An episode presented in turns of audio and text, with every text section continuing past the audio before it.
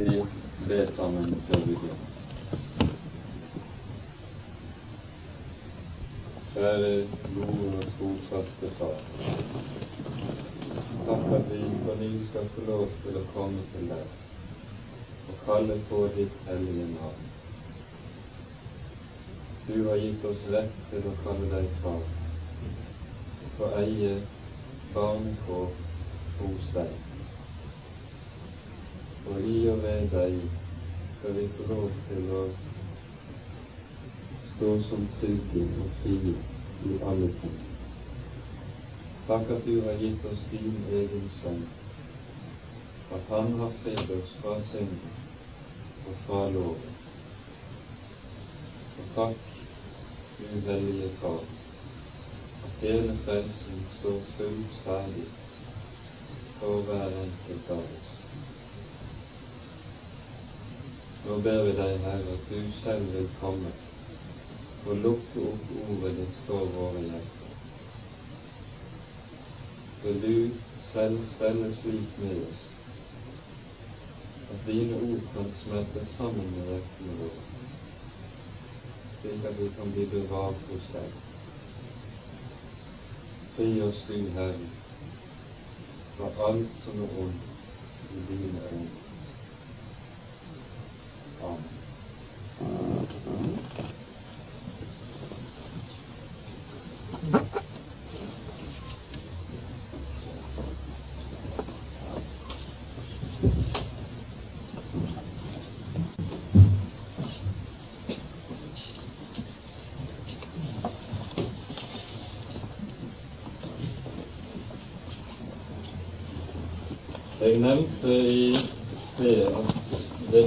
Kapittelet i første Korinterbrev det er et kapittel som handler om den kristne frihet.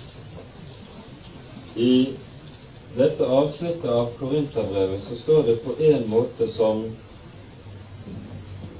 en parentes i sammenhengen. Fordi det som er sammenhengen her fra og med kapittel 8 ut til kapittel 11, der Paulus tar opp spørsmålet om de kristnes forhold til offerkjøtt, hvorvidt de kan ete og drikke av dette, og det som er en kristens rett og frihet i denne sammenheng. Og i dette avsnittet, dette større avsnittet om det å ete og drikke og forholdet til avgudsdyrkelsen hos i Korintermenigheten, kommer altså dette kapittel 9, som dreier seg om en kristens frihet. Og Da tror jeg at vi tar og leser hele dette niende kapittel i sammenheng. Er jeg ikke fri? Er jeg ikke apostel? Har jeg ikke sett Jesus, vår Herre? Er ikke dere mitt verk i Herren? Er jeg ikke apostel for andre, så er jeg det i det minste for dere. For dere er innseilet på mitt apostelembete i Herren. Dette er mitt forsvar mot dem som dømmer meg. Har vi ikke rett til å ete og drikke? Har vi ikke rett til å føre en søster med oss som hustru, like som de andre apostler og Herrens brødre og Kefas? Eller er det bare jeg og Barnabas som ikke har rett til å slippe å arbeide? Hvem gjør vel noensinne krigstjeneste på egen lønning? Hvem planter en vingård og eter ikke av dens frukt? Eller hvem før en jord og eter ikke av jordens melk? Taler jeg dette bare på menneskelig vis, eller sier ikke også loven dette? I Moselov er det jo skrevet du skal ikke binde munnen på en okse som prester.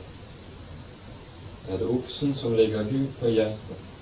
Eller sier han ikke dette bare for vår skyld?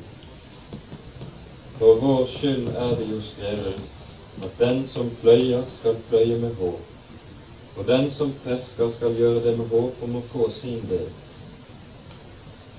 har vi sådd for dere de åndelige goder. Er det da noe stort om vi høster deres timelige goder? Har andre rett over dere, skulle da ikke vi meget mer ha det? Men denne rett har vi ikke brukt. Vi tåler alt for ikke å legge noen hindring for Kristi evangelium.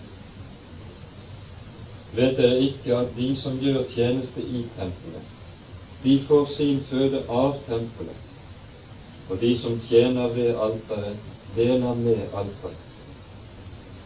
Så har også Herren fastsatt for dem som forkynner evangeliet, at de skal leve av evangeliet. Men jeg har ikke gjort bruk av noe av dette. Jeg skriver ikke dette for at det skal bli så med meg, for heller vil jeg dø enn at noen skulle gjøre det til intet som jeg roser meg av. For om jeg forkynner evangeliet, er det ikke noe å rose meg av. Det er en nødvendighet som påligger meg. For ved meg om jeg ikke forkynner evangeliet. For gjør jeg dette frivillig, da har jeg lønn. Men gjør jeg det nødtvunget, da er det en husholdning som er meg betrodd. Hva er da min lønn? At jeg, når jeg forkynner evangeliet, gjør det for intet, så jeg ikke gjør bruk av min rett i evangeliet. For om jeg enn er fri fra alle, har jeg dog selv gjort meg til tjener for alle, for å vinne de fleste. Og jeg er blitt som en jøde for jødene, for å vinne jøder. For dem som er under loven, som en som er under loven om jeg enn ikke selv er under loven, for å vinne dem som er under loven. For dem som er uten lov, er jeg blitt som en som er uten lov, om jeg enn ikke er lovløs for Gud, men lovbundet for Kristus, for å vinne dem som er uten lov. For de skrøpelige er jeg blitt skrøpelig, for å vinne de skrøpelige. For dem alle er jeg blitt alt, for i alle tilfeller å frelse noen. Men alt gjør jeg for evangeliets skyld, for at også jeg får del i det. Vet dere ikke at de som løper på rennebanen, de løper vel alle, men bare én på prisen? Løp da således for at dere kan vinne dem. Hver som er med i veddekamp, er avholdende i alt. Dine for å få en forgjengelig krans, men vi en uforgjengelig. Jeg løper da ikke som på det uvisse. Jeg fekter ikke som en som slår i været, men jeg undertvinger mitt legeme og holder det i trelldom, for at ikke jeg som peker for andre, selv skal finnes i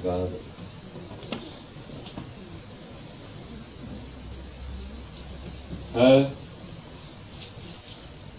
behandler altså Paulus spørsmålet om de kristnes frihet og den kristne frihets begrensninger. Og Bakgrunnen er at i Korint var det en del i menigheten som vi kan kalle for de sterke.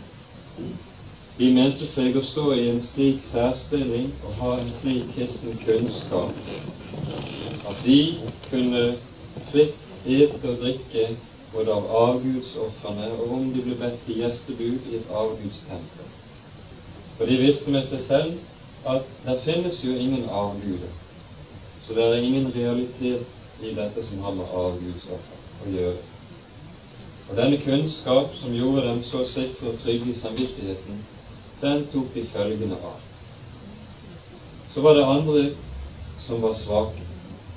For dem kunne dette komme til å bli en felle, et anstøt som eh, ordet som brukes her. Anstøt, det betyr i Bibelen ikke noe som virker støtende på andre, slik som det er i vår tale, men det betyr noe som bringer et menneske til fall eller til fortapelse. Og disse som var svake i samvittigheten, de ville ved å se disse sterke ete av avgudsofrene selv kunne komme til å begynne å ete, og så ramme slik i samvittigheten at de faller fra Jesus. Og dermed vil de sterkes frihet komme til å føre de svake i fortapelse. Dette er bakgrunnen for det som Paulus tar opp i det niende kapittel. Og vi ser konklusjonen på det åttende kapittel som står i vers 13 der, der Paulus sier Derfor, om mat volder min bro anstøt, da vil jeg aldri i evighet ete kjøtt, for ikke å volde min bro anstøt. Slik legger Paulus bånd på sin egen frihet for å verne den svake. Og så bruker han i det kapittelet som kommer etter, her i kapittel 9, seg selv som eksempel på hva den kristne frihet er og innebærer, og hvorledes man i praksis skal leve dersom man skal leve som en fri kristen. Og så åpner han og sier, Er jeg ikke fri? Er jeg ikke apostel? Har jeg ikke sett Jesus vår Herre? Er dere ikke mitt verk i Herre? Han begynner med fire spørsmål. Det første spørsmålet er jeg ikke fri? Det setter Paulus i samme stilling og i samme båt som alle andre kristne. Han har den samme frihet som enhver annen kristen har. Den kristne frihet i Det nye testamentet, den leser vi om i Johannesevangeliets åttende kapittel og i Romerbrevets sjette og syvende kapittel. Der sier Jesus til jødene som han er i samtale med, at dersom dere blir i mitt ord, da er dere i sannhet mine disipler, og dere skal kjenne sannheten, og sannheten skal gjøre dere frie.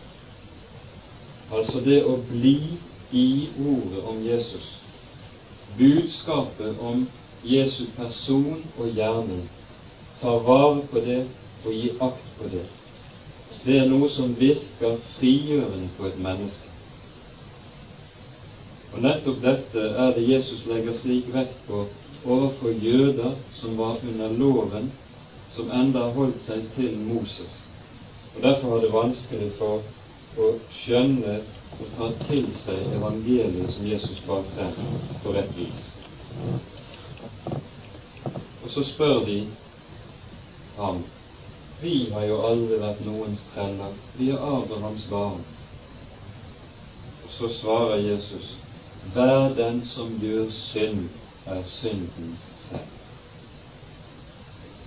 Og dermed så peker Jesus på noe som er en grunnsannhet i Bibelen, nemlig at så lenge et menneske er under loven, så er det også en syndens felle.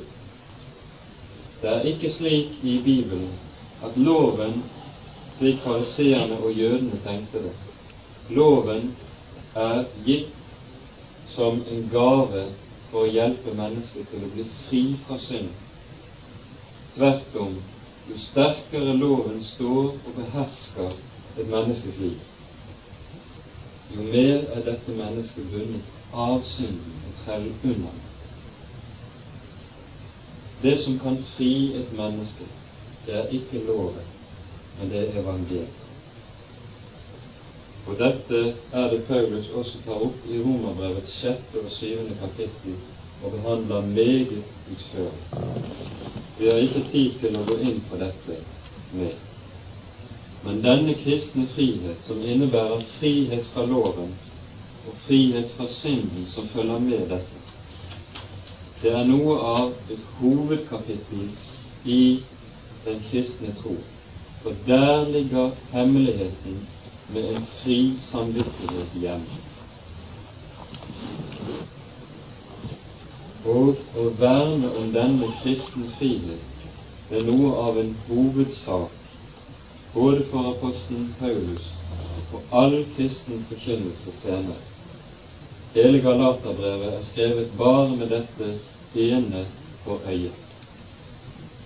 Er jeg ikke fri, sier Paulus. Og Dermed så understreker han også det som sies i Galaterbrevet 5. kapittel. Til frihet har Kristus frigjort oss. La dere bare ikke på ny legge under trelldom. Det som var faren for galaterne, var at de på ny skulle komme til å bli lagt under loven, og dermed ikke bare bli ufrie i samvittigheten, men dermed også på ny komme inn under trelldom, under synd. Denne frihet er det umåtelig viktig å verne om. Og Det er en av den kristne forkynnelses hovedoppgaver og hovedsaker. Det ser vi nettopp av den vekt dette har i Det nye testamentets brev. Men så sier Paulus i de neste tre spørsmålene han er en som ikke bare har del i denne frihet som alle kristne har. Han har også noe mer som ikke gjelder alle kristne. Han er apostel. Som apostel har han sett den Herre Jesus, møtt ham, møtt den oppstandende, og som følge av dette så har han også fått lov til å virke som apostel og se frukt av dette. Er ikke dere mitt verk i Herren? Og nå er det slik i Det nye testamentet at den som er apostel, som hørte en til kollegiet av de tolv, han sto i en særstilling i kristenheten. En særstilling i dobbelt forstand. For det første på den måten at apostlene var den grunnvoll som Jesus kom til å bygge sin kristne menighet og kirke på. Dere er bygget opp på apostlenes og profetenes grunnvoll, sier Paulus i Efesene 2. Og denne grunnvollen består i det at apostlene var det vi kaller for åpenbaringsbærere. Gjennom dem åpenbarte Herren sitt ord i evangeliet på nøyaktig tilsvarende måte som Gud åpenbarte sitt ord gjennom profetene i Det gamle testamentet. De står i samme særstilling som slike som formidler Guds ord til oss, som profetene gjorde. Og fordi de står i denne særstilling, så har de også, og det er det andre, så har de en særskilt rett i de kristne menigheter. Og det er det apostelen underviser om videre i dette brevet. Men først så understreker han overfor menigheten i Korint er jeg ikke apostel for andre, så er jeg det i det minste for dere. Det var nok av de som dro Paulus kall til apostel i tvil den gang som baktalte ham og sa at han er ingen rett apostel. Akkurat som det er i dag. Det er mange som drar apostelen Paulus kall til dette embetet i dag òg. Og med samme eller enda dårligere grunner enn det var den gang. Men så sier han er jeg ikke apostel for andre, så er jeg det i det minste for dere. Og Dermed så minner han menigheten om det som var Guds verk i menigheten den gang han kom til den. Det husker vi har vært igjennom det andre kapittel i Korinterbrevet, hvor Paulus taler klart og tydelig om at når han var hos dem, så var han der i skrøpelighet og i frykt og i megen bedre. Menigheten ble ikke grunnlagt på hans egen styrke åndskraft eller dugelighet, for han selv var svak og hjelpeløs når han var der. Menigheten ble grunnlagt på at Den hellige ånd arbeidet og virket igjennom ham og igjennom hans svakhet. Derfor sier han i fortsettelsen min tale og min forkynnelse var ikke med visdoms overtalende ord, men med ånds og krafts bevis. Og dette visste menigheten. Det var Den hellige ånds kraft og bevis som hadde gjort at de var blitt en kristen menighet. Det var ikke grunnet på mennesker, men på Guds verk. Og slik er også korinterne et innseil for Paulus apostelembete. Ved menigheten så har Gud bekreftet at han er hans egen Gud. Og så sier han dette er mitt forsvar mot dem som dømmer meg. Og så i de neste versene, fra vers 4 til 7, så understreker Paulus denne rett han har når han virker som apostel. Han har rett både til å ete og drikke. Han har rett som de andre til å føre med seg en som hustru. Han har rett til å heve lønn fra menighetene, så å si, akkurat som de andre apostlene gjorde det så spør han gjør vel noen krigstjeneste på egen lønn? Hvem planter en vingård og eter ikke av den? Dette er en allmennmenneskelig lov som han peker på i vers 8. Taler jeg dette bare på menneskers vis?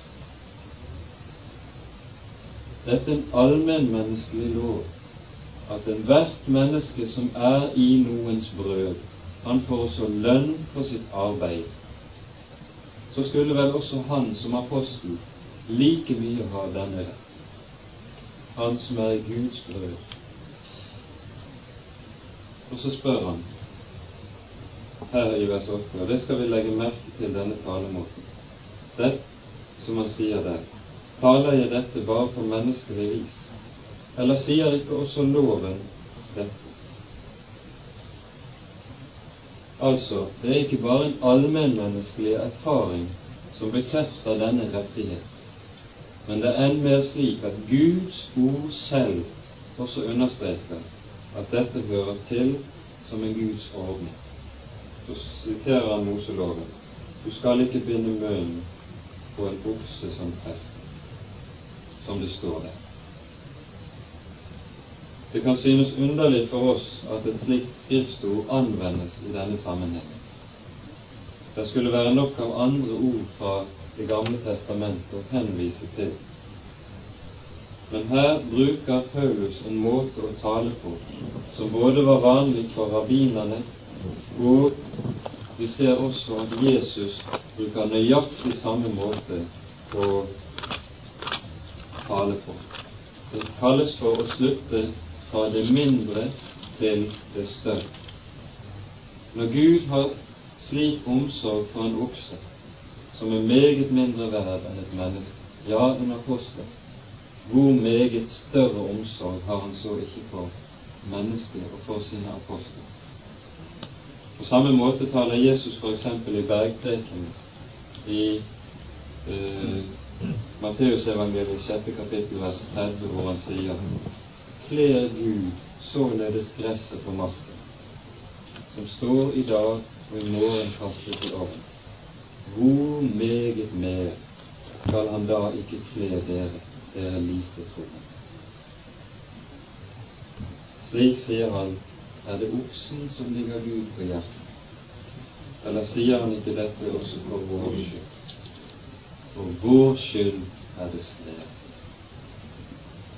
Og her skal vi merke oss at her er vi inne på noe som er noe av en grunnleggende ordning i Det nye testamentet. Jesus har selv sagt i da han sendte ut sine apostler, som vi leser i Matteusevangeliets 10. kapittel, at en arbeider er sin lønn verd. Disiplene skulle, når de ble sendt ut, ikke ta med seg penger selv, men de skulle få det de trengte når de vandret omkring med evangeliet. i det det ble gitt, det de trengte å leve av, ble gitt dem av dem som tok imot budskapet. Dette var en rettighet som var gitt dem av Jesus selv. Og Dette understreker også Paulus her i vers 14. Så har også Herren fastsatt for dem som forkynner evangeliet, at de skal leve av evangeliet. Denne rett er altså gitt av Jesus selv, at apostlene de hadde rett på underhold fra menighetene og fra de kristne. Og slik skulle de sørger for dem. Dette står også ellers i Det nye testamentet som noe av en grunnregel for den første kristne menighet.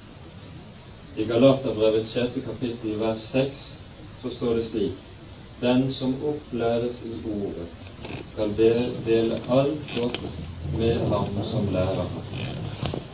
Og I 1. Timotius brevs 5. kapittel poengterer Paulus samme sak, at de kristne er forpliktet til å ta seg av underhold for de som lærer dem opp i Guds ord. Slik ser vi også i dag som noe av det som er vanlig praksis, f.eks. når kristne er med og betaler til underhold for misjonærer. Det er noe som hører med til den enkelte kristnes plikt. På samme måten var det også i Gammeltestamentets tid.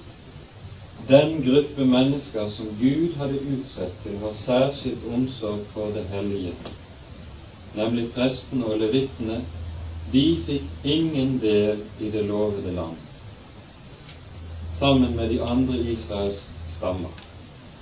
De fikk ingen arvelov. Forstår du uttrykkelig deres del skulle være Herren selv. Fjerde Mosebok 18. Og det som skulle være deres underhold, var at Israel skulle betale tiende for at de skulle berge liv. Vi ser utover gjennom Det gamle testamentet at Israel i veldig liten grad tok denne plikten alvorlig. Og Derfor var det å ha hånd om helligdommen og tjenesten der noe som for de aller fleste og gjennom store deler av historien var forbundet med fattigdom, nød og forsakelse. Sånn kan det vel ofte være den dag i dag. Har vi sådd for dere de åndelige goder, er det da noe stort om vi høster deres timelige goder. Korinterne får del i noe som gir dem det evige liv, noe som har uendelig verdi. Da er det ikke noe stort om de også bærer oppe de som gir dem Guds ord, med det de behøver og trenger. Slik kan vi også lese at menigheten i Filippi f.eks. sender en gave til Paulus for å hjelpe ham gjennom en vanskelig tid. Filippabrevet er skrevet som noe av et takkebrev tilbake til Filippaen for den gaven han har mottatt fra dem. Dette kan vi lese om i det fjerde kapittelet i Filippabrevet.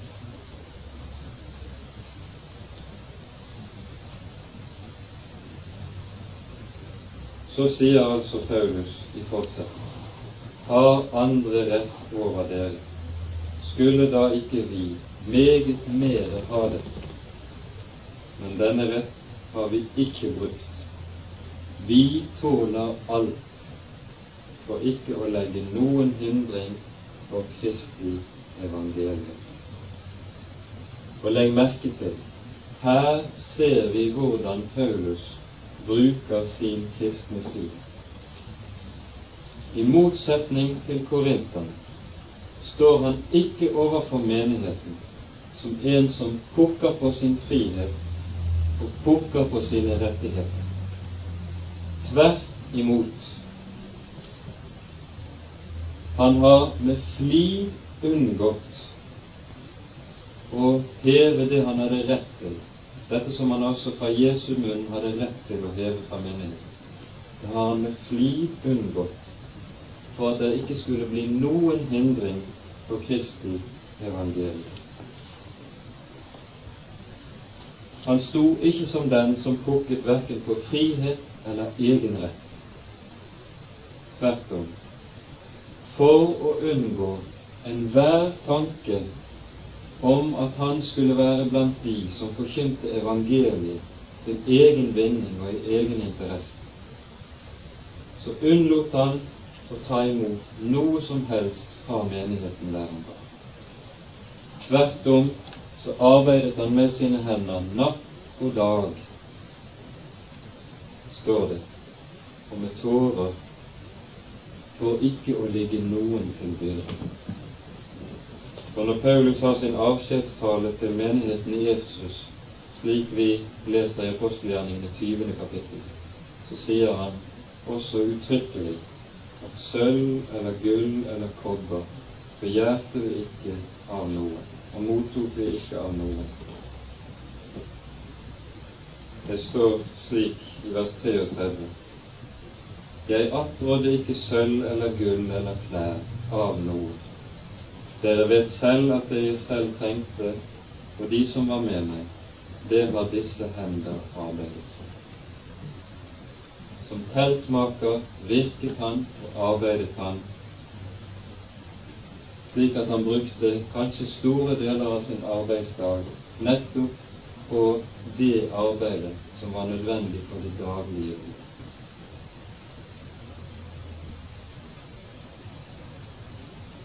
Her møter vi noe som gir oss et gløtt inn i den første kristne mening. Det som kjennetegnet de falske profeter, det ser vi allerede i Det gamle testamentet. Hos profeten Mika poengteres det i det tredje kapittelet. Det var dem som ropte 'fred, fred' når de fikk en bit brød å ete. Men dersom de ikke fikk det, så ropte de ut en hellig krig mot det mennesket. Slik virket de falske profetene, fordi de virket til egen vinning. De tjente seg selv og søkte sitt eget. Slik virket ikke Paulus. Og når vi leser enkelte av kirkefedrenes skrifter, så ser vi også noe av det samme går igjen der. Der står det klart og tydelig at det var et kjennetegn på en falsk profet dersom noen kom og forkynte, og så ba om penger.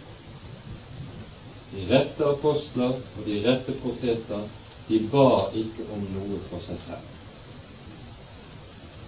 Men så skulle også Kristi menighet lære å gi ubedt. Men det å be om noe for seg selv, det er livsfarlig.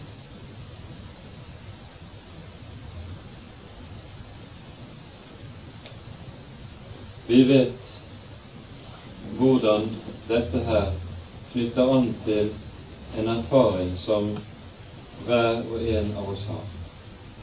For det å stå på sin rett, stå på krava som det er så moderne å gjøre i dag, det er noe som ligger så snublende nær at det kobles sammen med egoisme. Ja, egoismens kjennetegn er ofte nettopp det at en står på kravene og hevder sin rett. For ikke å bli oppfattet som en som virket slik og på slike premisser, er det altså Paulus som flid unngår dette. Denne rett har vi ikke brukt. Vi tåler alt for ikke å legge noen hindring på Kristi evangelium. Dermed førte det med seg at Paulus ville bli regnet for en som var litt dum. Den som ikke visste å hevde sin rett. Den som ikke visste å sko seg.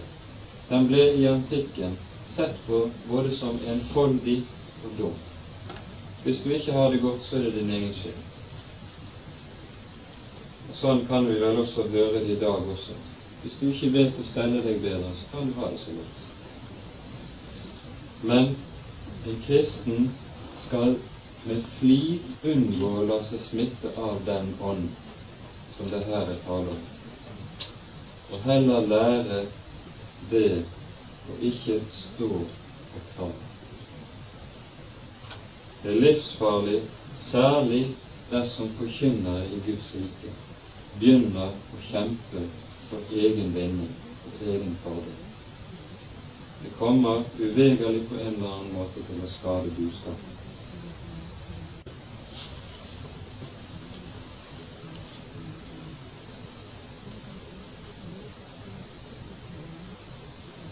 Så leser vi videre fra vers 15. Jeg har ikke gjort bruk av noe av dette. Jeg skriver ikke dette for at det skal bli så med meg, for heller vil jeg dø enn at noen skulle gjøre det til intet som jeg roser meg av. Altså, når han skriver dette, så er det ikke fordi at korinterne nå skal huske på hvordan han har stelt seg, og dermed gi ekstra flittig til ham. Men tvert om for at de desto skarpere skal se kontrasten mellom hva han på den ene siden hadde rett til, og hvordan han på den andre siden hadde levet når han var i meningen. For jeg vil heller dø enn at noen skulle gjøre til intet det jeg roser meg av. Og Dermed gir Paulus til kjenne, og det tror jeg vi kan ta på full alvor, at han så denne ros som mer verd enn livet sitt. Paulus leker ikke med ord. For om jeg forkynner evangeliet, sier han i er det ikke noe å rose meg av. Det er en nødvendighet som påligger meg og ved meg om jeg ikke forkynner evangeliet. For gjør jeg dette frivillig, da har jeg lønn. Men gjør jeg det nødtvungen, da er det en husholdning som er meg betrodd. Hva er da min lønn? At jeg når jeg forkynner evangeliet, gjør det for intet, så jeg ikke gjør bruk av min rett i evangeliet. Her gir Paulus oss på ny et glimt inn i det som er hans kall og hans forhold til Herren. Det å forkynne evangeliet, det å være apostel, det er noe han ikke har tiltatt seg ved eget valg. Det å bli en Jesu Kristi disippel i denne sammenheng, det betød for Paulus det samme som å slutte å være sin egen herre. Jesus sier i Johannesevangeliet 15. kapittel at dere har ikke utvalgt meg, men jeg har utvalgt dere og satt dere til å gå ut og bære frukt. Nettopp i den sammenhengen så stelte Jesus seg stikk motsatt av det som var vanlig for rabbinerne i Jesus sammenheng. Rabbinerne ble nettopp oppsøkt av folk som ville bli deres disipler, de søkte dem fordi de fant ut at her var det et og annet å hente og lære. Så søkte de om å bli opptatt i teksten. Med Jesus var det omvendt. Han ble ikke oppsøkt og utvalgt, han søkte opp og valgte ut selv. Og så legger han evangeliet inn på disiplene, slik at det for dem blir noe av en tvang ved å forkynne det. Men det underlige er at denne tvang hos dem ikke blir noe som kjennes som ufrihet, men tvert om for dem representerer selve friheten. Det er ikke slik at Jesus kommer og gir dem en ny lov som tvinger dem mot deres egen vilje. Men det er tvert om slik at han gjennom å stelle med dem tar seg av dem. Så blir det slik at evangeliet blir selve hjertets innerste vilje og ønske.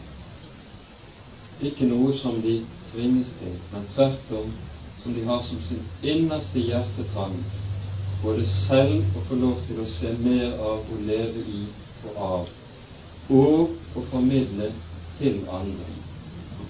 Og det å få lov til å være apostel blir nettopp en gave og ikke en tvang. Noe av det samme er det vi møter hos profeten Jeremia.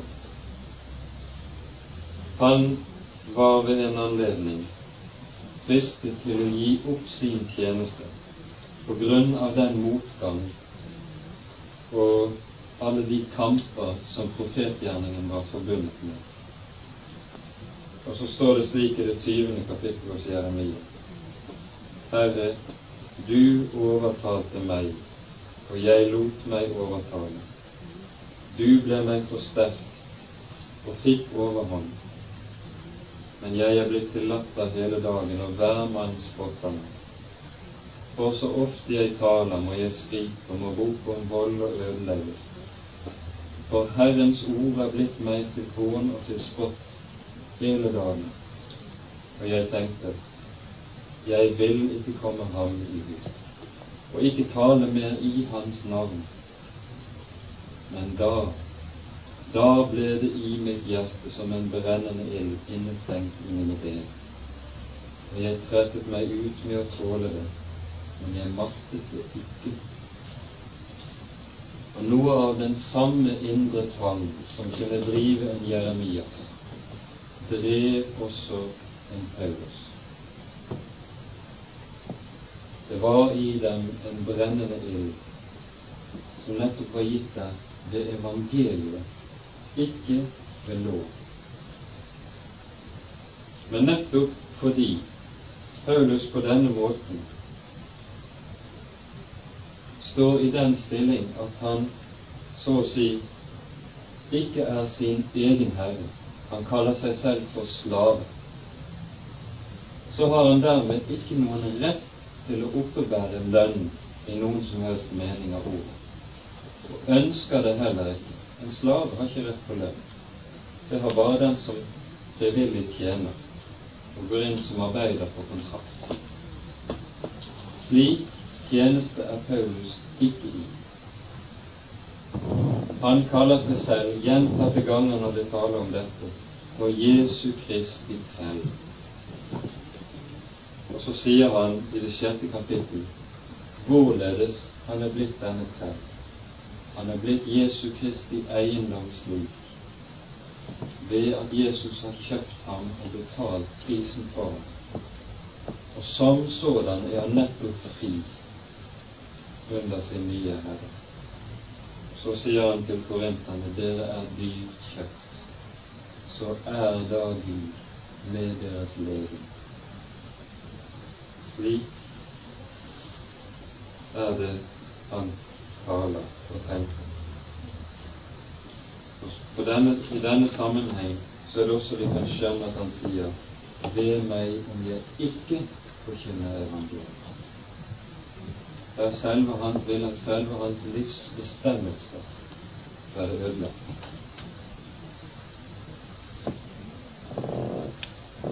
Derfor, og denne ånd, er det også Jesus taler om når i, i den lignelsen som vi finner i Lukasevangeliet 17. kapittel,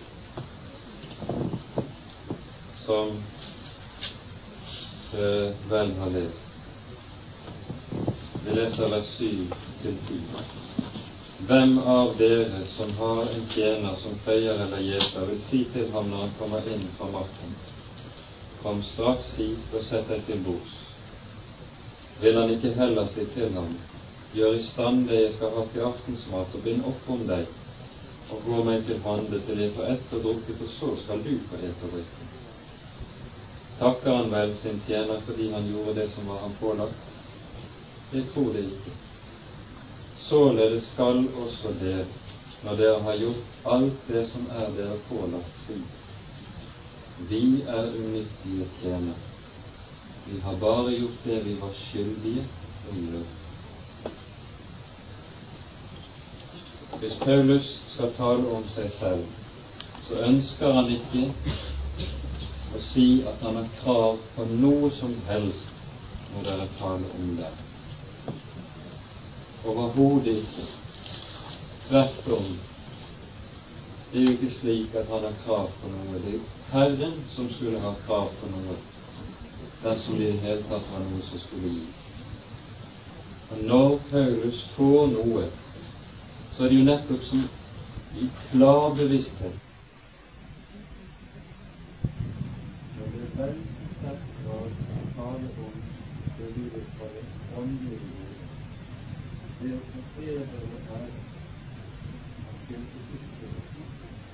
det å få anerkjennelse og slike ting Nei.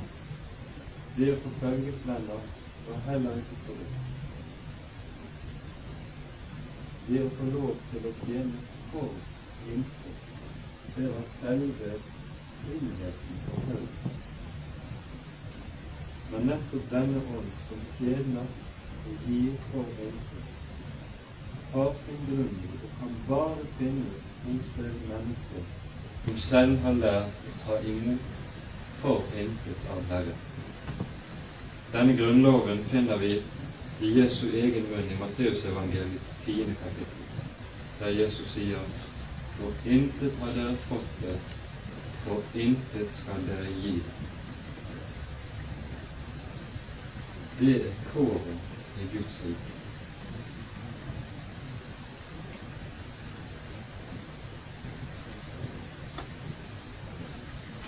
Så gjør altså Paulus ikke bruk av sin frihet og sin rett selv om han kunne gjøre det, så ønsker han ikke å gjøre det.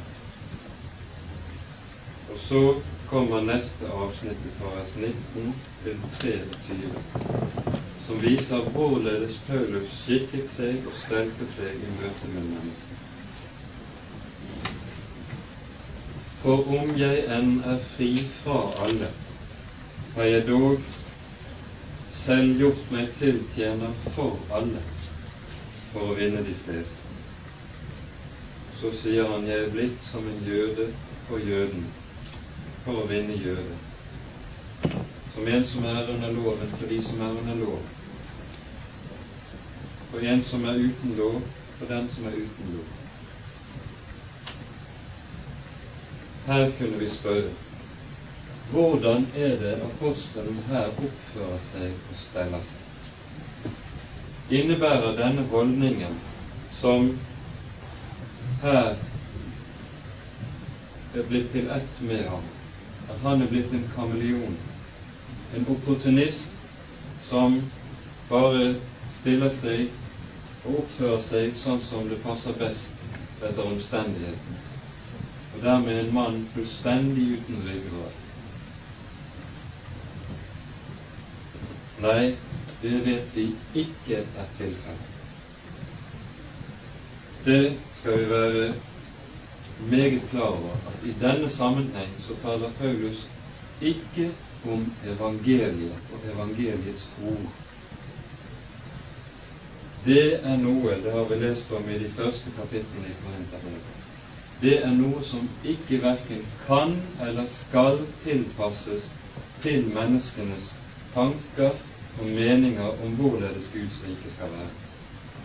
Dersom nemlig så skjer, så vil Guds ord komme til å miste sin kraft. Og når man altså tilpasser seg til mennesker med den baktanke at man skulle vinne noen for flere for Guds rike, så vil det motsatte komme til å skje. At tvert om færre vil vinnes. Det er ikke evangeliet som tilpasses. Guds ord og budskapet er for Paulus like skapt og like klart Det han gjør, er at han tilpasser seg selv, ikke budskapet. Slik at han så å si er menneske sammen med de mennesker han møter. Og vi kan se hvordan dette fungerer i praksis i apostelgjerningen. I det 16. kapittelet i apostelgjerningene leser vi hvorledes Paulus av hensyn til jødene omskar Timotius. For at Timotius skulle kunne gå inn og ut blant jødene som uhindret å forkynne budskapet.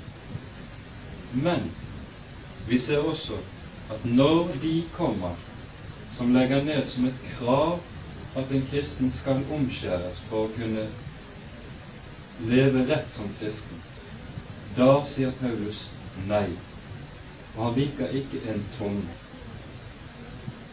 Altså noe som i praksis er underordnet, der stiller han seg fritt når det gjelder det ytre. Men dersom det som har med omskjærelsen å gjøre, vil bli noe som skal tvinges inn på de kristne, da sier han nei. Han er blitt som en jøde for jøden. Og Vi kan lese om hvorledes han både avlegger løfter ifølge Gamle testamentet, som hvor det taler om Nasiria-løfter, og andre ting, og han følger jødenes skikk for å vinne jøden. Motsatt så opptrer han for dem som er uten lov, som en som er uten lov. Han kan i like sterk grad gå ut og inn blant hedninger, ete sammen med dem, glede seg sammen med dem, osv. Det som står her, betyr ikke å være en som lever mot loven, i ulydighet mot loven, men det betyr en som lever uten kjennskap til loven. Han begynner altså ikke å leve som en synder for å kunne vinne synder. Det er ikke det som ligger i ordet. Men han gir gladelig avkall på jødiske enhetsforskrifter for å kunne omgås hedningene, de som er uten lov, og om mulig ville den. Han er fri i den sammenhengen òg. Om jeg enn ikke er lovløs for Gud, men lovbundet for Kristus. Og her skal vi merke oss at den kristne frihet, det er ikke en frihet som innebærer frihet til synd. Den kristne frihet er ikke frihet for kjødet og for det gamle mennesket, slik at det kan leve som det vil. Nei, den kristne frihet ligger på et annet plan. Og det er ikke slik frihet Paulus forkynner heller. Derfor sier han også at han er lovbundet for Kristus i denne sammenheng, slik som vi har vært inne på ved flere anledninger syndenes forlatelse innebærer ikke syndenes tillatelse. Han er seg klart bevisst at friheten, den har sine grenser. Og så til slutt for de skrøpelige er jeg blitt skrøpelig. Og Her ser vi det klareste vitnesbyrdet om hvorledes Paulus nettopp ikke er opportunist. For når han møter de sterke, de sterke i samvittigheten, f.eks., så er han ikke svak. Da gir han ikke etter. Tvert om. Men overfor de svake, der vil han gjerne også være svak sammen med dem. For også å vinne dem. For i alle tilfeller å kunne frelse noen. Og merk vel. Dette gjør Paulus ikke fordi han nærer menneskefrykt. Ikke fordi han er bundet av hvorledes mennesker tenker og mener om hvordan han skulle og burde oppføre seg, og redd for hva den ene eller den andre vil si. Tvert om, han er fri. Fri fra mennesker og hvorledes de tenker og mener.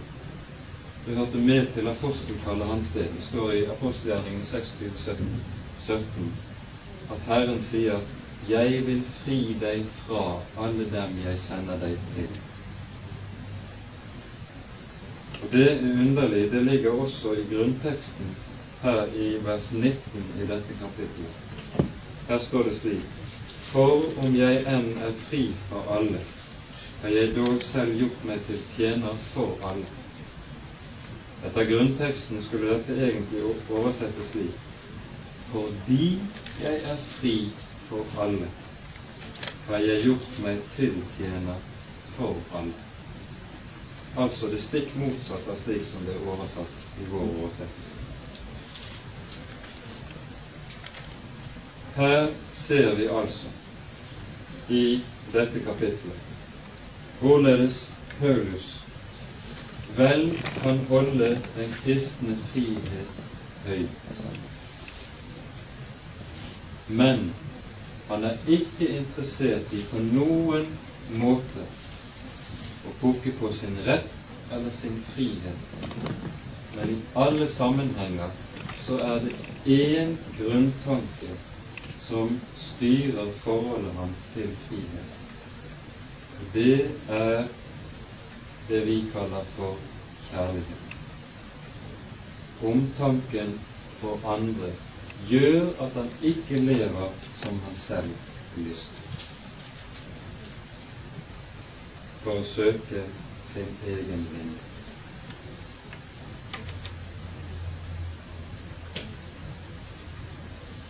Vi kunne ta et annet ord fra Jesu utsendelsestale i Matteus 10 som eksempel på og en sammenfatning av hva dette innebærer.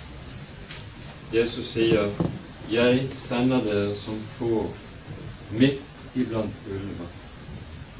Vær derfor kloke som slanger og enfoldige som duer. Dette er et ord som er meget, meget misbrukt. Og Særlig misbrukes det i den sammenheng at man skal inngå kompromisser, akkordere med både det ene og det andre i det kristne budskap, slik at men man lettere kommer inn iblant mennesker. Derfor er stikk imot dette er det Jesus sier. Jeg sender dere som få midt iblant ulver. Verden er farligst når den viser vennskap ikke når den viser fiendskap. Og Derfor så ser vi også at ordet enfoldig det betyr å være udelt. Å ha et sinn som er rettet bare på én ting. Være opptatt med ett eneste, og ikke skjele til alle sider. Og dermed heller ikke være et slikt sinn som lar seg forlede til å ri på to hester og prøve å vinne folk på den måten, helst også hytte sitt eget skinn på det viset. Så er han altså klok som en slange i det han bøyer seg selv,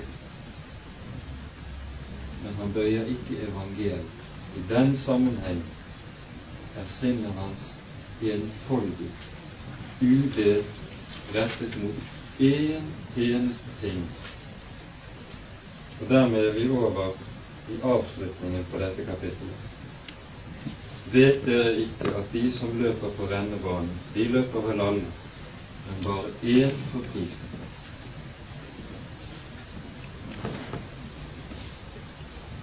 Apostelen tar her et eksempel som er hentet fra korinternes nærhet. Her er han greker og greker. Utenfor Korint ble det hvert tredje år avholdt noe som ble kalt de istmiske leker. Og i disse lekene inngikk det som en hoveddel ulike slags løpskonkurranse. Og så ser Paulus, ber Paulus korinterne se på seg selv Se nå hvorledes en idrettsmann steller seg når han med det han er opptatt av. Han kan nekte seg alt hvis han tren, først legger seg i trening for å vinne. Det gjelder både mat og drikke. Hele kostholdet tilpasses det ene å bygge opp. Det gjelder døgnrytme, forhold til mennesker, til familie, alle ting. Det er innrettet på det ene målet som ligger for øyet. Det å vinne konkurransen. Vet dere ikke at de som løper på rennebanen, de løper vel alle, men bare én for prisen. Løp dere således for at dere kan vinne. Hver den som er med i veddekamp, er avholden i alt. Dine for å få en forgjengelig krans, men vi en uforgjengelig. Her ser kan korinterne selv se fra egen, sin egen omverden og daglige liv hvorledes mennesker med noe rent forgjengelig for øyet, noe som kun angår en æreskrans som man har for noen øyeblikk, kan de ofre så å si alt. Hvor meget mer burde ikke de som er kristne, og som har slik, et slikt mål for øyet, kunne gi avkall og innrette sinnet sitt på det ene så sier han jeg løper da ikke som på det uvisste. Det betyr egentlig å løpe som en som ikke har målet for øyet. Dersom en som løp i de olympiske leker, ga seg til å kikke rundt på tilskuerne som satt rundt banen, og lurer på hvordan det gikk med høydehopperen som holdt på der inne, så vet vi hvordan det ville gå med det målet, den løperen. Om han i det hele tatt når mål, så vinner han i hvert fall sinn, konsentrasjon og oppmerksomhet er bitt for øyet. Og Så tar han et annet bilde. Jeg fekter ikke som en som slår i verden. I de istmiske lekene inngikk det også boksekamper. Og den som bokser, han driver ikke og slår rundt omkring i luften uten noe mål. Tvert om, han har fienden sin på øynene. Han han hamrer løs på. Og hvem er Paulus sin fiende? Det sier han i vers 27. Jeg undertvinger mitt legeme og holder det i trelldom. Det er seg selv han retter slagene mot. Og Her skal vi merke oss at ordene i grunnteksten nettopp er hentet fra og poengterer dette veldig sterkt. Når det hos oss står 'jeg undertvinger mitt legeme', så betyr det å tildele det slike slag som gir blåmerker, og gir noen en blåvest.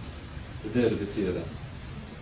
Og det ordet som brukes her for å holde det i trelldom Det var slik at seierherren etter en boksehans, boksekamp Han skulle ta den overvunne ved hånden og lede, og lede han frem som en undertvungen trell eller slave. Slik skulle Paulus undertvinge sitt eget gamle menneske, holde det i trelldom som det som var overvunnet for at ikke jeg som peker for andre, selv skal finnes uvære. Dermed så avslutter Paulus dette avsnittet slik for å minne korinterne at om Han som er apostel, som av Herren selv er satt så høyt, ikke med selvfølge nå Guds rike og nå målet, så er det enda mindre en selvfølge at den vanlige kristne blant korinterne skulle nå frem. Å ta det for gitt og dermed sovne inn i sikkerhet og glemme målet, det var det farlige. For at ikke jeg som preker for andre, selv skal finnes i verden. Og slik ser vi at i dette kapitlet, hvor Paulus taler om den kristne frihet, der ser vi at han egentlig i veldig liten grad taler om seg selv og sine egne rettigheter. For det som kjennetegner Paulus, det er at vi ser i ham, uten at Paulus sier det, og sikkert ikke heller er klar over så har Jesus vunnet skikkelsen. Det som kjennetegnet Jesus i hans virke, var at han aldri noen gang søkte sitt eget, arbeidet ikke for seg selv eller til egen vinning. Han hadde ikke det han kunne helle sitt hode til noen gang. All hans gjerning, all hans oppmerksomhet, den var vendt mot det som var å tjene og andre. For det samme ånd og det samme sinn ser vi har vunnet skikkelse i Paulus i en grad som vi kanskje aldri mer vil få se her i verden.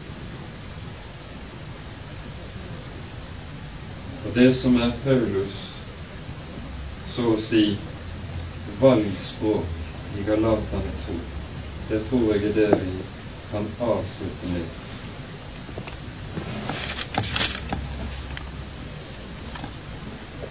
Galatane 2, 20. Jeg er korsfestet med Kristus. Jeg lever ikke lenger selv, men Kristus lever i meg. Og det liv jeg lever i troen på Guds sønn, det lever jeg i troen på Guds sønn, som elsket meg og ga seg selv for. meg. Det er ikke Paulus som lever lenger seg, men vi ser Jesu ansikt lyse frem gjennom linjene på det som Paulus skriver. Det er han som har vunnet skikkelse i apostelen.